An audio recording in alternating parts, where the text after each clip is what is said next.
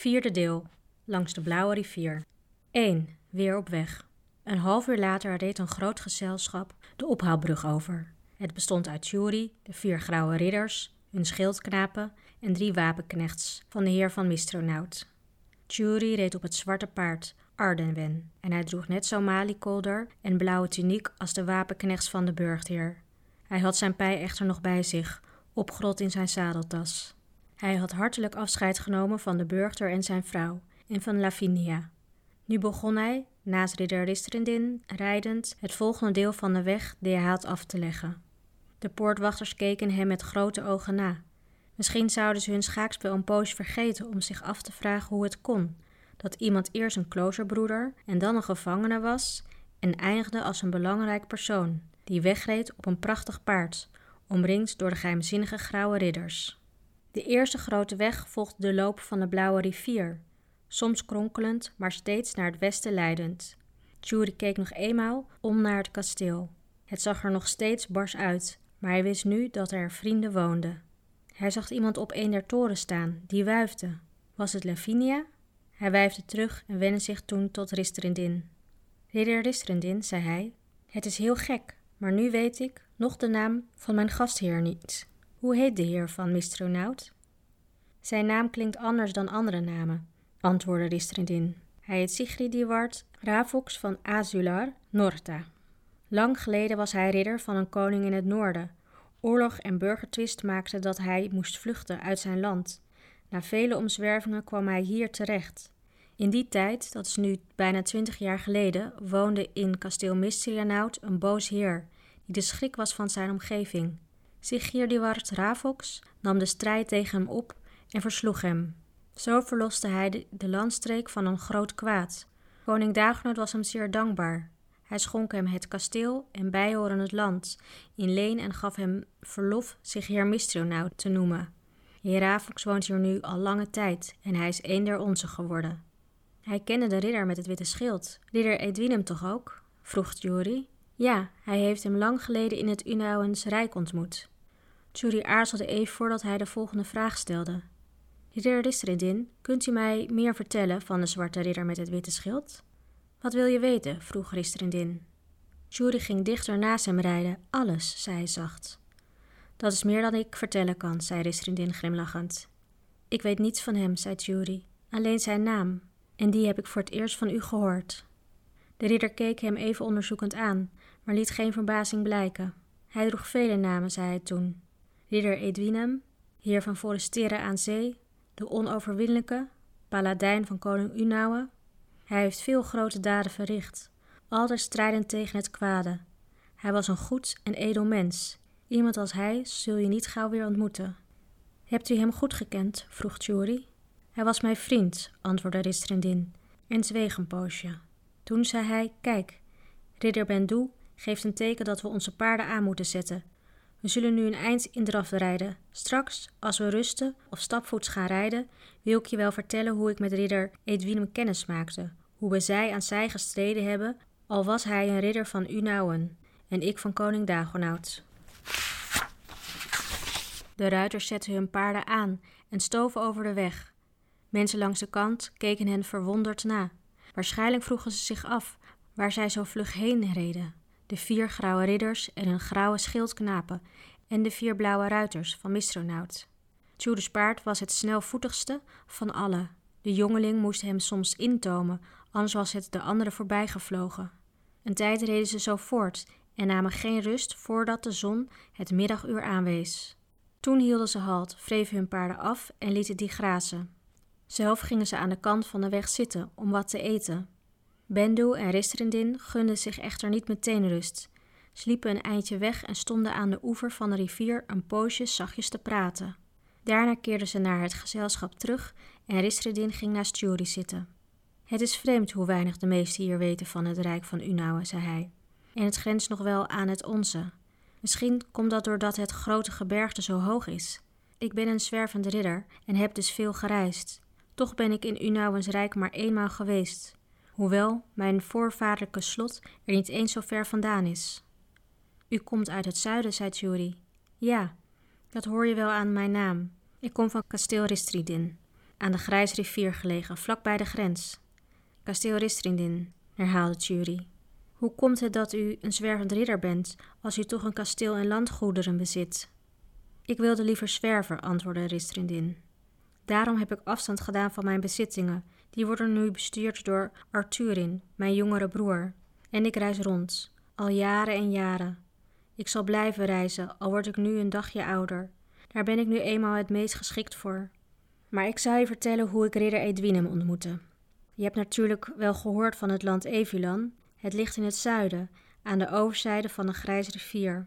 Het is een Norsland, met woeste wouden en barse vlakten. Overal zijn stenen burchten, waar heren wonen die elkaar vroeger voortdurend beoorloogden of strooptochten ondernamen over de grenzen. We hebben vaak tegen ze moeten vechten.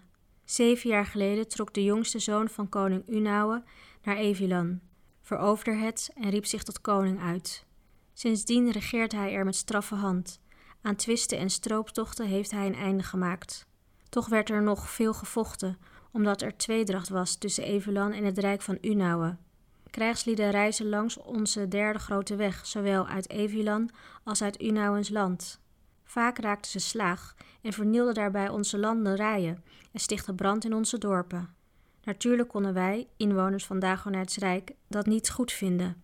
Ridders trokken uit om die rustverstoorders aan hun verstand te brengen dat ze hun veten op eigen grond moesten uitvechten. Zo gebeurde het dat ik met maar weinig getrouwen een troep krijgers uit Evelan over de derde grote weg achtervolgde, tot in het rijk van Unauwe.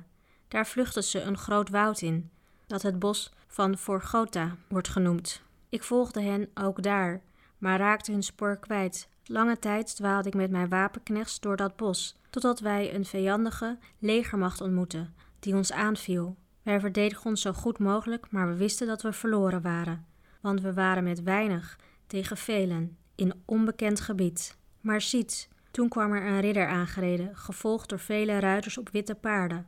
Hij zelf bereed een zwart paard en zijn maliekolder was zilverwit. Wit was ook het schild dat aan zijn arm hing. En hij hief het blinkende zwaard en liet zijn strijdkreet schallen door het bos. Zo kwam Edwinem, de heer van Forestera, ons te hulp. En overwon hij? vroeg Tjuri. Hij droeg niet voor niets de naam Onoverwinnelijke, zei Ristridin. U zegt dat zijn maliekolder wit was, zei Tjuri. Droeg hij toen dan geen zwarte wapenrusting? De ridders van koning Unauwe dragen alle kleuren, maar nooit droegen ze zwart, tot voor korte tijd ridder Edwinem, antwoordde Ristrindin. Wat het witte schild betreft, dat is het teken van alle Unauwens ridders. De wapenkleuren van het koninkrijk zijn wit en de veelkleurige regenboog. Ridder Edwinem was door Unauwe gezonden om de boze bende uit het bos van Vorgota te verdrijven. Die benden kwamen uit Evilan. Hoe komt het dat Evilan de vijand is van Unauwe? vroeg Juri. De vorst van Evelan is toch een zoon van de koning? Dat is een lang verhaal, zei Ristrindin. Misschien kan Ewijn je dat beter vertellen. Het rijk van Unauwe is zijn vaderland, zoals je weet. Ewijn heeft in Edwinems gevolg gediend, voor hij ridder werd. Was hij zijn schildknaap? vroeg Tjori. Nee, er waren vele jonge lieden die graag Edwinems schildknaap hadden willen zijn. Maar degene die hem als schildknaap volgde, was vreemd genoeg een oude man, verweerd en mager. Jury dacht aan de onbekende die hem uit de kapel had geroepen. Dat was natuurlijk die schildknaap geweest. En hij vroeg: Hoe heette hij? De schildknaap? Fokia werd hij genoemd, antwoordde Ristrindin. Hij stond op en voegde erbij dat het tijd werd om verder te gaan. Het is wonderlijk jou op dit paard te zien, zei hij, toen Churi Ardewen had bestegen. Edwinem reed nooit op een ander. Het is zijn naam waardig. Ardenwind betekent nachtwind in de oude taal van het Rijk van Unauwe. Een vlugger paard heb ik zelden ontmoet. Even later waren ze weer op weg. Nu reden Ristrindin en zijn schildknaap voorop, terwijl Tjuri naast een van Misrinauds wapenknechts reed. Soms hielden ze even stil om bij een dorp of huis te vragen of iemand de rode ruiters had gezien. Hun vragen hadden echter geen resultaat. Niemand, zei Bendu ontevreden. En die ellendige regen van gisteren heeft alle sporen uitgewist. Ristredin keek naar de overzijde van de rivier. Ze kunnen ook langs de andere kant gereden zijn, merkte hij op. Je hebt gelijk, zei Bendu. We zullen zodra het mogelijk is de rivier oversteken en zien of we daar iets te weten komen. Later op de middag kwamen ze bij een doorwaadbare plaats. Ristredin en Bendu gingen naar de overkant, terwijl de rest van het gezelschap op hen wachtte. Na een half uurtje kwamen ze terug. Sporen hadden ze niet gevonden, maar een herder had hun verteld dat hij twee nachten geleden ruiters langs had zien rijden in westelijke richting. Hij had echter niet kunnen zien of ze in het rood gekleed waren. Het waren er volgens hem maar een stuk of tien, zei Bendu. Een eind verder is een bos, daar kunnen ze zich schuilhouden. Ze zetten hun tocht voort. Toen ze na een poosje wat langzamer gingen om hun paarden te sparen, kwam Ristrindin weer naast Jury rijden en vertelde hem hoe ridder Edwinem en hij het bos van Vogota vrijmaakten van al het kwaad. Lange tijd deelden ze gevaren, lief en leed, en ze werden grote vrienden. Het speet ons dat we op een dag afscheid moesten nemen, zei Ristridin.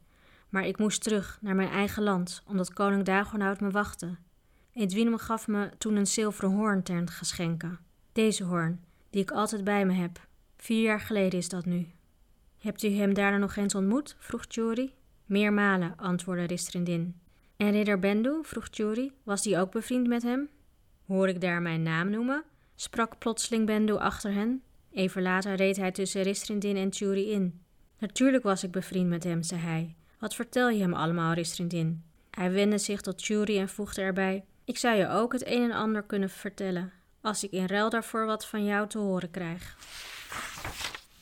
Wat wilt u weten? vroeg Jury. Een heleboel. Ik weet nog niets van je. Ik heb u alles verteld wat ik zeggen kon, zei Jury. Nu, dat was dan maar een heel klein beetje, zei Bendu.